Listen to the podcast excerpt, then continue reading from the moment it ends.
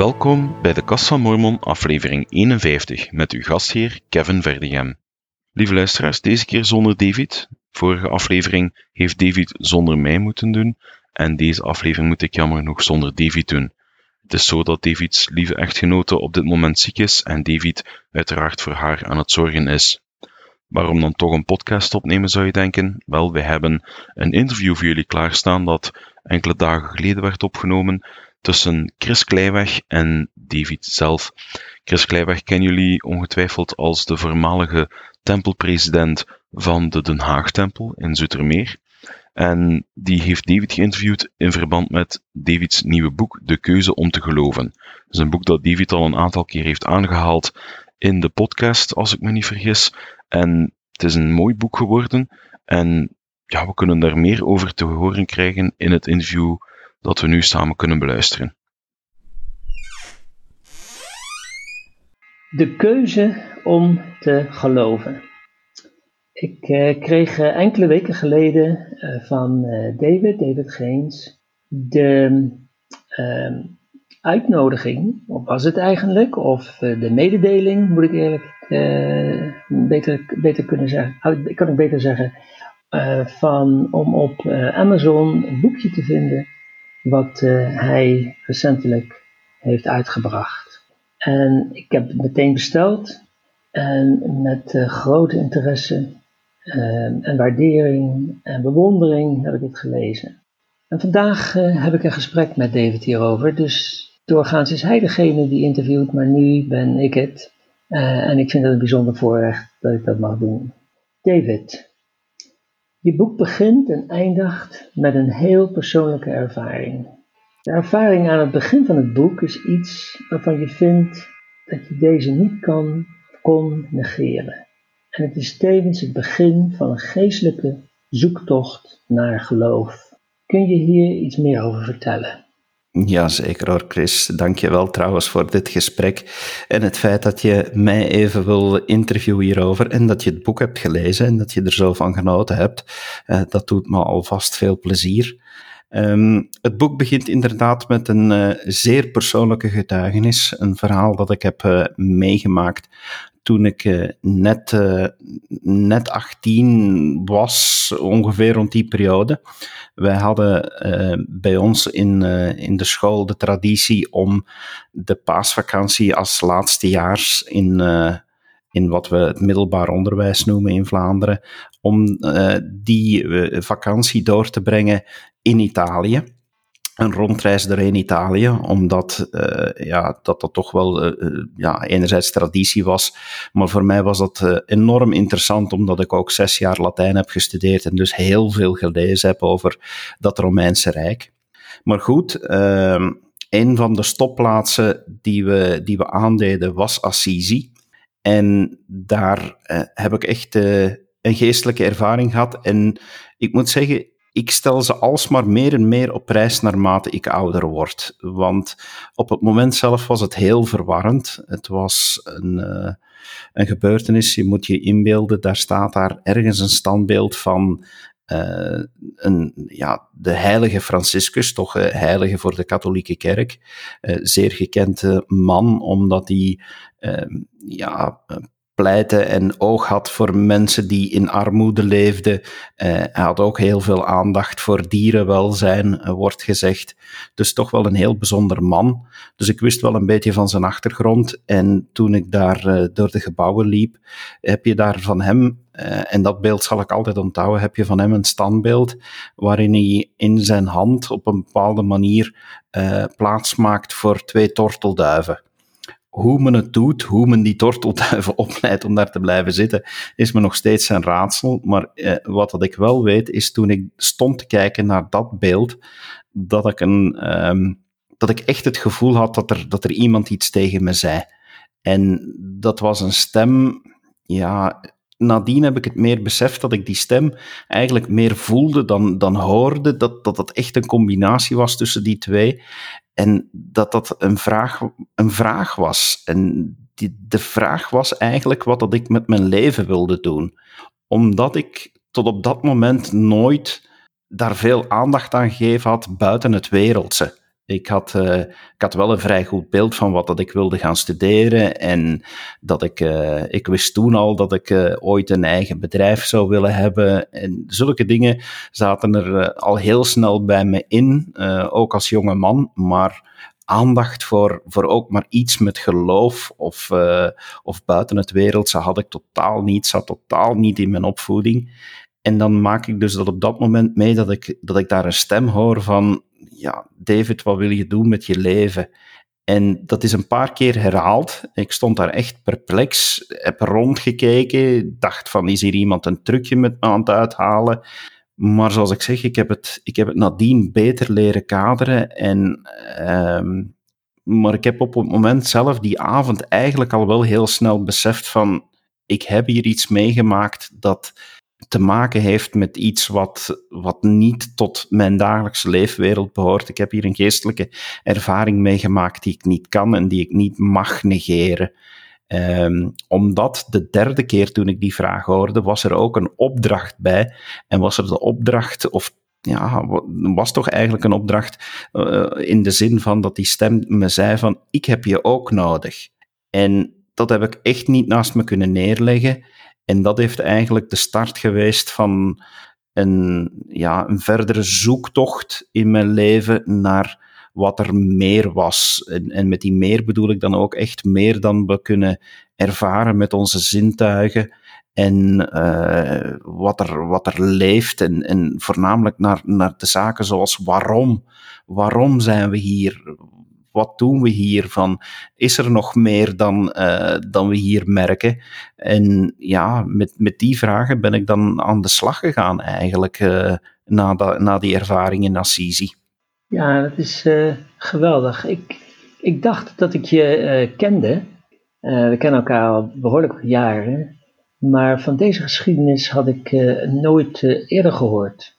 Um, ik had altijd wel veel bewondering dat iemand die zoveel uh, gaf uh, en deed aan uh, wetenschap, altijd zocht naar het hoe, hoe, hoe, hoe werkt iets, hoe zit het in elkaar en dergelijke, dat je toch een enorme drang hebt ontwikkeld, zeg maar, om het geestelijke in je leven te ontdekken.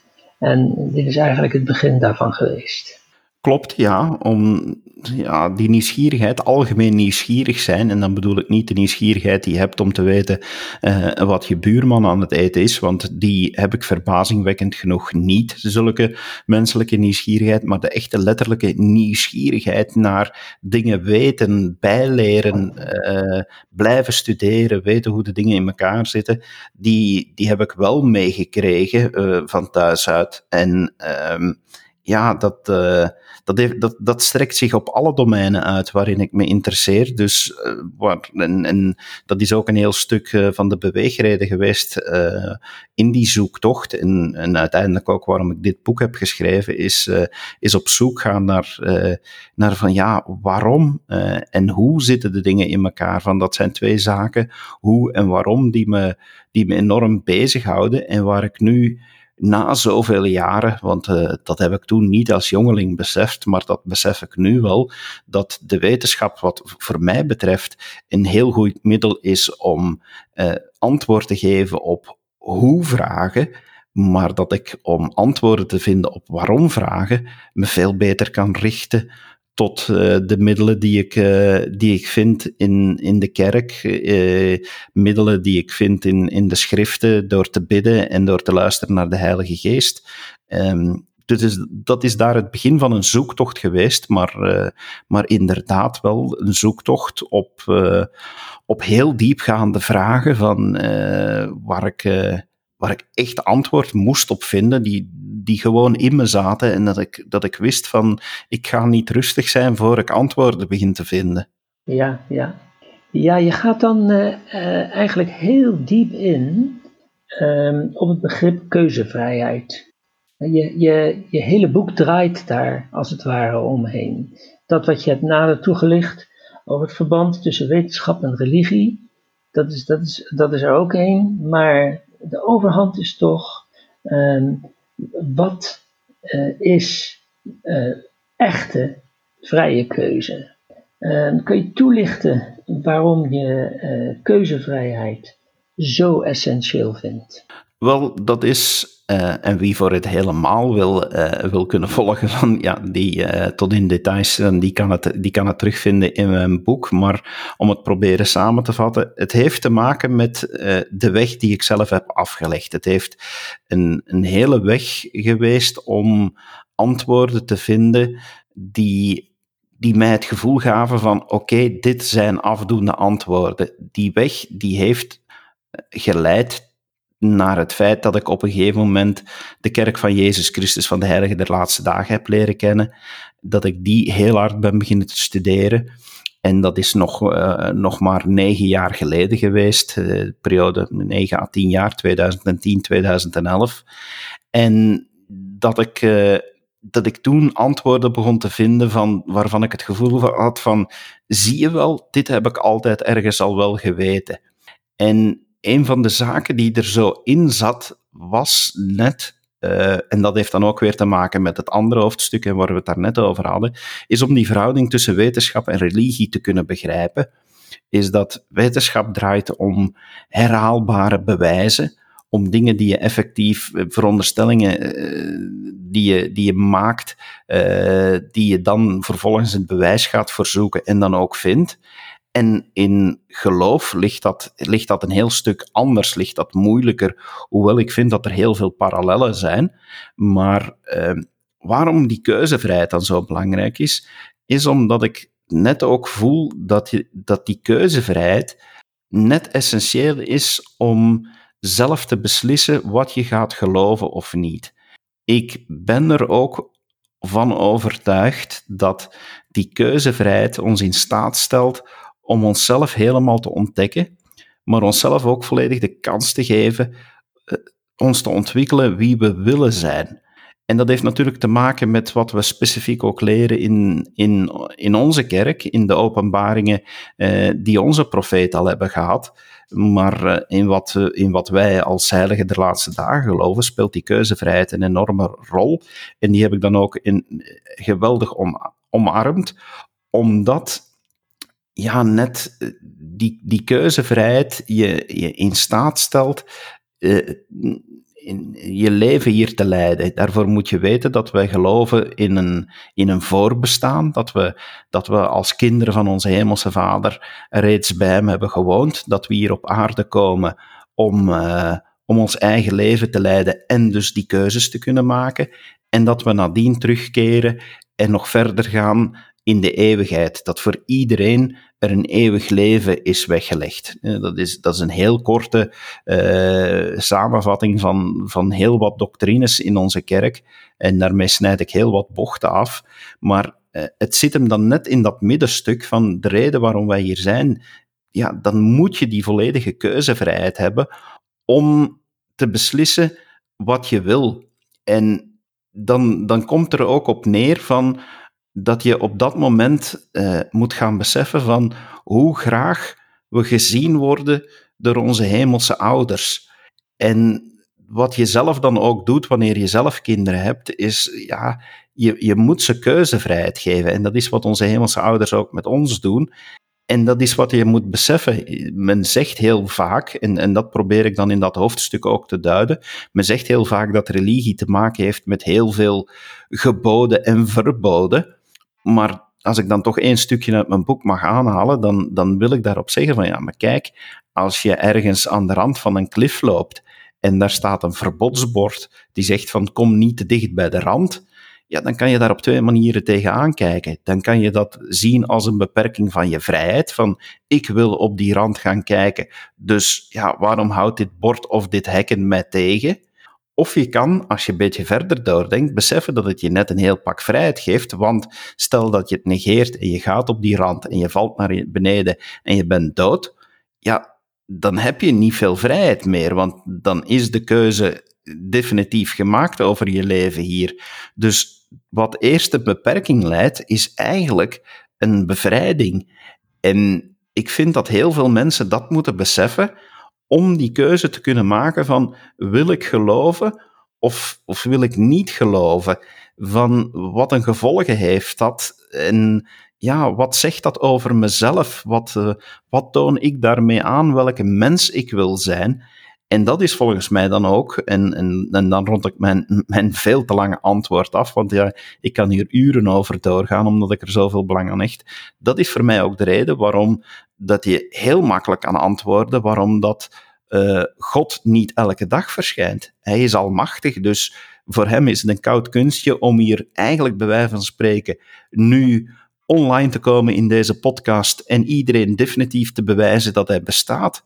Maar hij zal dat nooit doen, want dan ontneemt hij ons die ultieme keuzevrijheid. Dus ja, dat, dat zit eigenlijk allemaal in dat eerste hoofdstuk in, in begrepen, in, in bevat, dat ik, uh, dat ik door heel veel studie ben gaan beseffen van hoe belangrijk die keuzevrijheid is om onszelf te kunnen ontwikkelen en te kiezen of we ons richting God ontwikkelen of niet. Ja, ja, ja. Ja, ik moet zeggen dat uh, die benadering uh, voor mij ook uh, eigenlijk ook heel nieuw was. Ik, ik, ik weet dat het zo is, maar het is de speciale manier waarop je dit verwoordt, ehm, wat een, een prachtige weergave is van wat jij in dat proces hebt meegemaakt. En je, je ligt het ook met bijzonder mooie alledaagse voorbeelden toe, wat, wat je eigenlijk wilt zeggen. En dat, dat, dat, dat, vind ik bijzonder knap. En daarop ehm, spin je dat nog, dat begrip keuzevrijheid of keuze, het maken van keuze, in zijn algemeenheid zeg maar, maar specifiek over dit soort zaken, dat spits je nog wat verder toe. Dan kom je tot de keuze om te geloven, de keuze om te groeien en de keuze tussen het goede en het kwade. En daar eh, besteed je eh, vrij veel aandacht aan om eh, te laten ehm, zien hoe jij dit ehm, in verband met keuzevrijheid hebt ervaren in die ontwikkelingstocht die je hebt meegemaakt. Klopt, ja. Um, ik, ik ben ja, ongelooflijk fan van, van dat begrip keuzevrijheid. En ik ben ervan ook overtuigd dat uh, dat, dat net, zoals ik daarnet al zei, dat het, dat het ons heel veel mogelijk maakt als we, als we dat net gaan omarmen. Dat het ons enorm krachtig maakt. Dat het eigenlijk ons ja, bijna een toverkracht geeft. Uh, als je weet van dat je door, door heel veel zaken niet gebonden bent. Want we worden door zoveel dingen gebonden. Uh, ik, ik noem maar wat van niemand kiest eh, waar die geboren wordt. En iemand die hier nu in West-Europa geboren wordt, die heeft heel wat andere mogelijkheden dan iemand die in het uh, arme Afrika geboren wordt. Dus er zijn heel wat dingen die, die ons bepalen. Maar er zijn ook heel wat dingen die, die ons vrijgelaten worden in onze keuze. En ja, dan, dan krijg je inderdaad dat aspect, die keuze om te geloven. Maar er zijn dan heel veel mensen die dat daar tegenwoordig, en dat is dan een beetje de zijsprongen die ik maak, die daar gaan op beweren van ja, maar die keuze die is er niet meer. Die keuze die is weggenomen door wetenschap. De wetenschap heeft, heeft zoveel dingen bewezen. Vroeger had je een god nodig om dingen uitgelegd te krijgen die we nu door de wetenschap uitgelegd krijgen.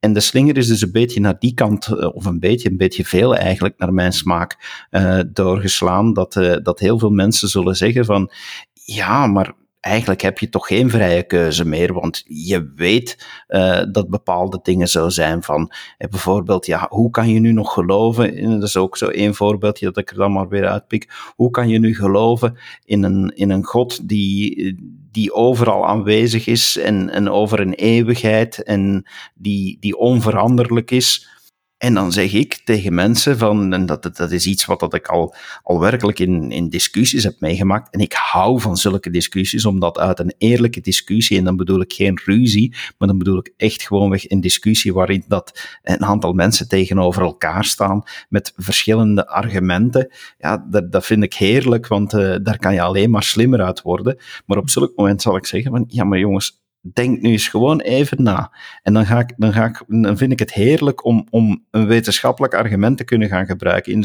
in zoiets. Dan zeg ik van ja, we nemen de algemene relativiteitstheorie en dan weten we door die formule dat als een object de snelheid van het licht zou kunnen nemen, dat de tijd ophoudt met te bestaan. Dat is een wetenschappelijk feit. Zeg, en laat ons dat dan eens overhevelen naar de filosofie. Wat moet je gaan bedenken als je zegt dat het concept tijd niet meer bestaat? Dat je in een, in een staat kunt zijn waarin het begrip tijd niet meer bestaat. En dan heb je ze meegenomen in een filosofische wereld. En dan kan je ze meenemen als, als men dan echt oprecht is en zegt van oké, ik neem nu de vrijheid om inderdaad die beperkingen die zo lang in mijn geest ingepompt zijn door mijn vorming, om ze dan mee verder te nemen, stapje per stapje, ja, dan zie je dat sommige mensen toch uiteindelijk gaan reageren met van, ja jongens, eigenlijk heb ik er zo nog niet over nagedacht en ja, voor mij moet op het einde van zo'n avond niet mijn gesprekspartner plots zeggen van kom aan, uh, waar is die doopvond? Ik wil gedoopt worden. Hm. Als dat zou gebeuren, fantastisch, ga ik, eh, ga ik hem of haar zeker niet tegenhouden, integendeel. Maar als die gewoon al eens even dan wil nadenken en zeggen van ja, ik voel me enigszins bevrijd om, om hierover na te denken, om over die, eh, die, die vrijheid die ik nu krijg om te geloven, dan heb ik al zoiets van, ja, leuk. En, en dat is voor een stuk ook de bedoeling uh, in, met dit boek, is dat sommige mensen het zouden lezen en zich eens van enkele ketens zouden bevrijd voelen die hen doen nadenken en die hen de, de, kracht geven om, om toch in deze tijden te gaan zeggen, ja, ik wil toch eens nadenken over wat geloven nu eigenlijk echt wel betekent, los van alle dogma's en doctrines en uit het verleden, die ook aan eender welke vorm van religie en, en los van eender welke kerk of zo, ja, maar die gewoon aan het feit van ik geloof in een God, ja, die daaraan vasthangen. En, en vandaar dat ik, dat ik toch die, die vrije keuze eh, probeer in de verf te zetten. Ja, ja, ja daar, daar hangt eigenlijk van alles aan. Hè? Uh, je hebt het nu heel uitgebreid gehad over de keuze om te geloven. En zo ook ga je uh, ver in op de keuze om te groeien. En de barrières die wij in ons leven zeker tegenkomen, ook als we jong zijn. Maar uh, dat we dat niet zo fatalistisch allemaal hoeven te accepteren als dat het zich voordoet. En dat we, daar, dat, dat we daar heel veel mee kunnen. Ja, ik, ik ga daar ook weer een voorbeeld gebruiken van. Ik, ik vind het ook heel fijn om ieder jaar de gelegenheid te krijgen een, een, zestal keren te gaan, gaan spreken, twee uur les te geven, te gaan spreken aan jongeren van 17, 18 jaar, die, die op het punt staan om belangrijke keuzes te gaan maken in hun leven, om te gaan kiezen wat ze later willen doen, wat ze willen gaan studeren en zo. En dat doe ik eigenlijk in opdracht van een project van, uh, van de Vlaamse overheid die, die ondernemen uh, willen stimuleren. Dus het is daar wel altijd de bedoeling dat ik als ondernemer ga praten.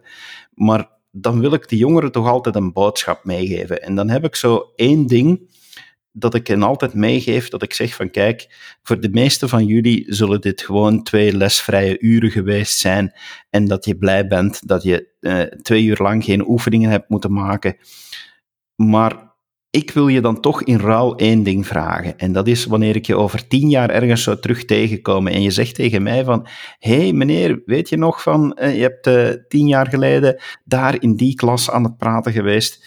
Dan, dan zeg ik van, oh ja, zeg dan, uh, zeg dan ga ik die ene ultieme vraag stellen. Wat heb je van mij onthouden? Zeg, en dan hoop ik dat het antwoord als volgt is. Zeg, en dat is deze zin. Een tegenslag is pas een mislukking als je er niks uit leert. En dat meen ik uit de grond van mijn hart, dat, dat sommige jongeren dat op dat moment ook echt meepakken, dat iedere ervaring die we hebben, hoe moeilijk ze ons, hoe moeilijk ze ons ook valt, dat ze eigenlijk een ervaring is die ons de kans geeft om te groeien. Maar dat het wel onze keuze is of we dat doen. Je kan een tegenslag hebben en je kan, uh, je kan gaan, gaan zitten grienen, je kan, je kan gaan wenen van... En ik heb ook al tegenslagen gehad waar, waar ik dat bij uh, meegemaakt heb, uiteraard. Dat ik, dat ik enkele dagen, enkele weken uh, helemaal uit mijn lood geslagen ben. Maar bottom line, het is wel je eigen keuze om nadien te zeggen van, wil ik hiermee aan de slag gaan? En dan zullen sommige mensen zeggen van ja, maar ook daar zijn er toch dingen die je kan meemaken die enorm erg zijn. Eh, mensen kiezen er niet voor om een kind te hebben dat, dat kanker krijgt. En dan, ja, dan is mijn antwoord daar eigenlijk heel eerlijk op van ja, en dat is enorm erg. En dat is verschrikkelijk. Ik zou het zelf niet willen meemaken en ik wens het niemand toe. En moest ik iets kunnen veranderen in deze wereld, dan, dan zou het zijn dat we allemaal gelukkig zijn en zonder ziekte zijn. Ik, ik heb het zelf uit, uit eigen ervaring meegemaakt om door het oog van de naald te kruipen. Maar dan nog heb je nog altijd de keuze van hoe je daarmee omgaat. En hoe je daarmee omgaat, gaat bepalen van hoe de rest van je leven eruit ziet. En dan heb je nog altijd de mogelijkheid om te kiezen van nee, ik wil hierdoor meer leren, beter begrip hebben en dus groeien als mens. En ja, dat is, dat is dus ook een volledige vrije keuze om te beslissen van laat ik mij eh, klein krijgen door iets of laat ik dat nu net voedingsbodem zijn om te groeien. Ja, ja. Ja je ziet dit fenomeen uh, zo talloze malen ook terugkomen in de schriften. waar, uh, neem bijvoorbeeld een persoon als Nevi, een rijkeluiszoontje die niets, maar dan ook weinig, weinig niets wist van uh, allerlei zaken. Zeker niet het lijden van een flink gezelschap vele jaren door de woestijn, of het bouwen van een schip, of, of, of wat dan ook. Of Joseph Smith met zijn achtergrond. Um, hoeveel tegenslag hebben deze mensen niet gehad in hun leven? Ook. En uh, wat hebben ze daarvan geleerd? En zijn iedere keer naar welke uh, uh, ellende, valpartij of wat dan ook wat ze hebben meegemaakt, weer opgestaan en zijn verder gegaan met hun ontwikkeling. Ja, dat, dat, dat is, dat is geweldig. En datzelfde beschrijf je ook Ehm, in de keuze die constant gemaakt moet worden tussen het goede en het kwade. Ehm, en dat illustreer je ook op prachtige manieren. Uh, hoe ehm, dat, dat we in feite nooit verlost worden van die keuze. En dat het een ding is wat ons hele leven bepaalt en uh, altijd bij ons blijft. Ja, het is een vraag waar ik zelf uh, heel lang naar, naar mogelijke antwoorden ben op zoek gegaan. En het was ook het moeilijkste hoofdstuk om te schrijven. Ik heb ook, uh, toen ik aan het boek begon, had ik een, een outline van wat ik allemaal wilde schrijven. En de manier waarop ik dit wilde aanpakken was, was, was heel moeilijk. En er zijn nog plaatsen geweest waar ik soms het roer als schrijvende heb omgegooid.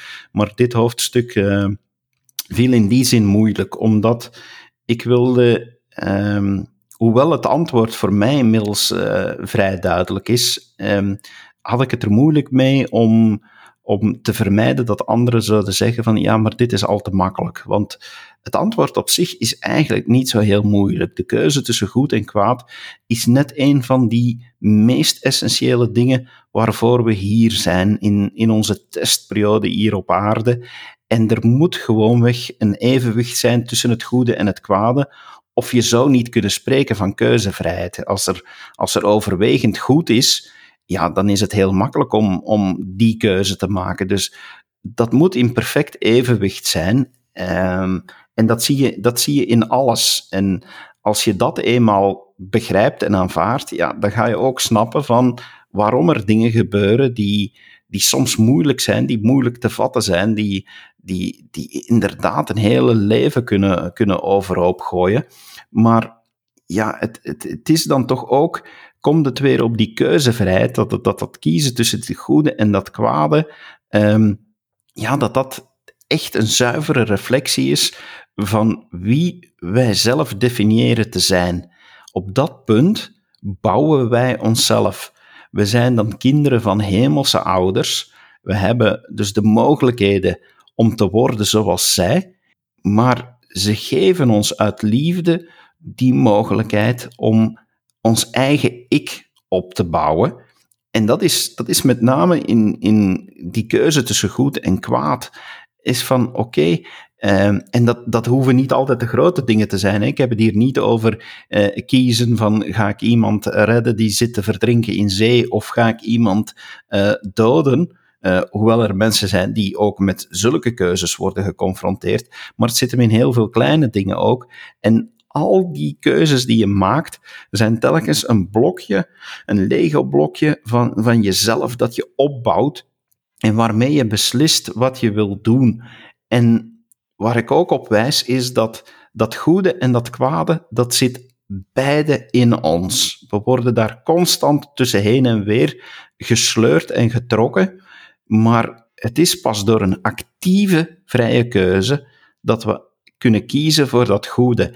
En dan benadruk ik hier voornamelijk het woordje actief, want en dat is, dat is ook voor een heel stuk een boodschap dat ik in mijn boek wil meegeven, is van je kan enorm passief zijn in die keuzevrijheid, omdat je niet beseft dat je die hebt, bijvoorbeeld. Maar als je er actief mee aan de slag gaat, dan ben je echt Bob de Bouwer. Maar Bob de Bouwer, die aan, je, aan jezelf bouwt, die aan je eigen identiteit bouwt en die beslist van dit is de persoon die ik wil zijn. En dat zal niet altijd lukken en daar worden veel fouten in gemaakt. En daarom is het ook zo heerlijk dat we als leden van de kerk weten en begrijpen dat er zoiets is als de verzoening van Christus. En het zijn allemaal dingen die ik... Uh, die ik niet zo aanraak in het boek, eh, maar die geven ons die mogelijkheid wel om opnieuw die keuzevrijheid te maken en ja, die mogelijkheid te hebben om te zeggen van als ik beslis om dit blokje, dit Lego blokje bij mezelf bij te plaatsen, dan wordt me dat mogelijk gemaakt. En, en die mogelijkheid wordt me niet afgenomen zelfs niet door het kwade dat er, dat er is in de wereld. Zelfs al maak je die dingen mee en, en, en maak je soms zelf verkeerde keuzes, het blijft je toch de mogelijkheid geven om blokje per blokje verder te bouwen als je daarvoor kiest. Ja, als je inderdaad, als je daarvoor kiest. Nou zou je nog iets uh, willen zeggen over de epiloog van je boek? Wel, uh, ik heb het boek uh, begonnen, of ik ben het boek begonnen met een, een, zeer persoonlijk verhaal. En zo wilde ik het ook eindigen, um, omdat het boek is, uh, is op, eigenlijk op, op twee zomers, twee van drie zomers tot stand gekomen. Ik, heb er, ik had er ook enkel maar tijd voor wanneer ik, wanneer ik vakantie had. Het, is, het eerste stuk is redelijk vlot uh, op, niet uit mijn pen uh, gerold, maar wel op mijn keyboard getokkeld in de zomer van 2018. En het is uh, beëindigd in de zomer van 2020. En mensen die, die heel aandachtig het boek gaan lezen, die kunnen, die kunnen gaan zien waar eigenlijk de, de césuur zit tussen die twee. Want dat kan je vinden aan het aantal typefouten die erin zitten, omdat uh, kort na die zomer van 2018 heb ik uh, een uh, ernstige hersenbloeding meegemaakt. Die heeft me bijna het leven gekost. die heeft me op een heel moeilijk pad gezet. Een pad waarin ik ook zelf keuzes heb moeten maken. waar ik dus uit eigen ervaring heb ondervonden, wat ik daarnet vertelde, van je, je kan dingen meemaken die je niet kiest, die je niemand toewenst. Maar de manier waarop je ermee omgaat, is wel je keuze. En uh, ja, dat wilde ik toch ook even meegeven, um, omdat het boek begint met een verhaal van: oké, op dat moment heb ik de keuze gemaakt om op zoek te gaan. En het boek eindigt met een verhaal waarin ik zeg van kijk, ik heb nu geleerd van keuzes maken en zelfs met iets erg dat, dat overkomt, heeft het mij de kracht gegeven om, door, ja, om ten eerste door die moeilijke periode door te komen. Een periode waarin ik soms letterlijk heb gedacht van, God, ik, mijn lieve hemelse vader, ik wil sterven. Ik kan dit niet aan. Ik kan deze handicap niet aan.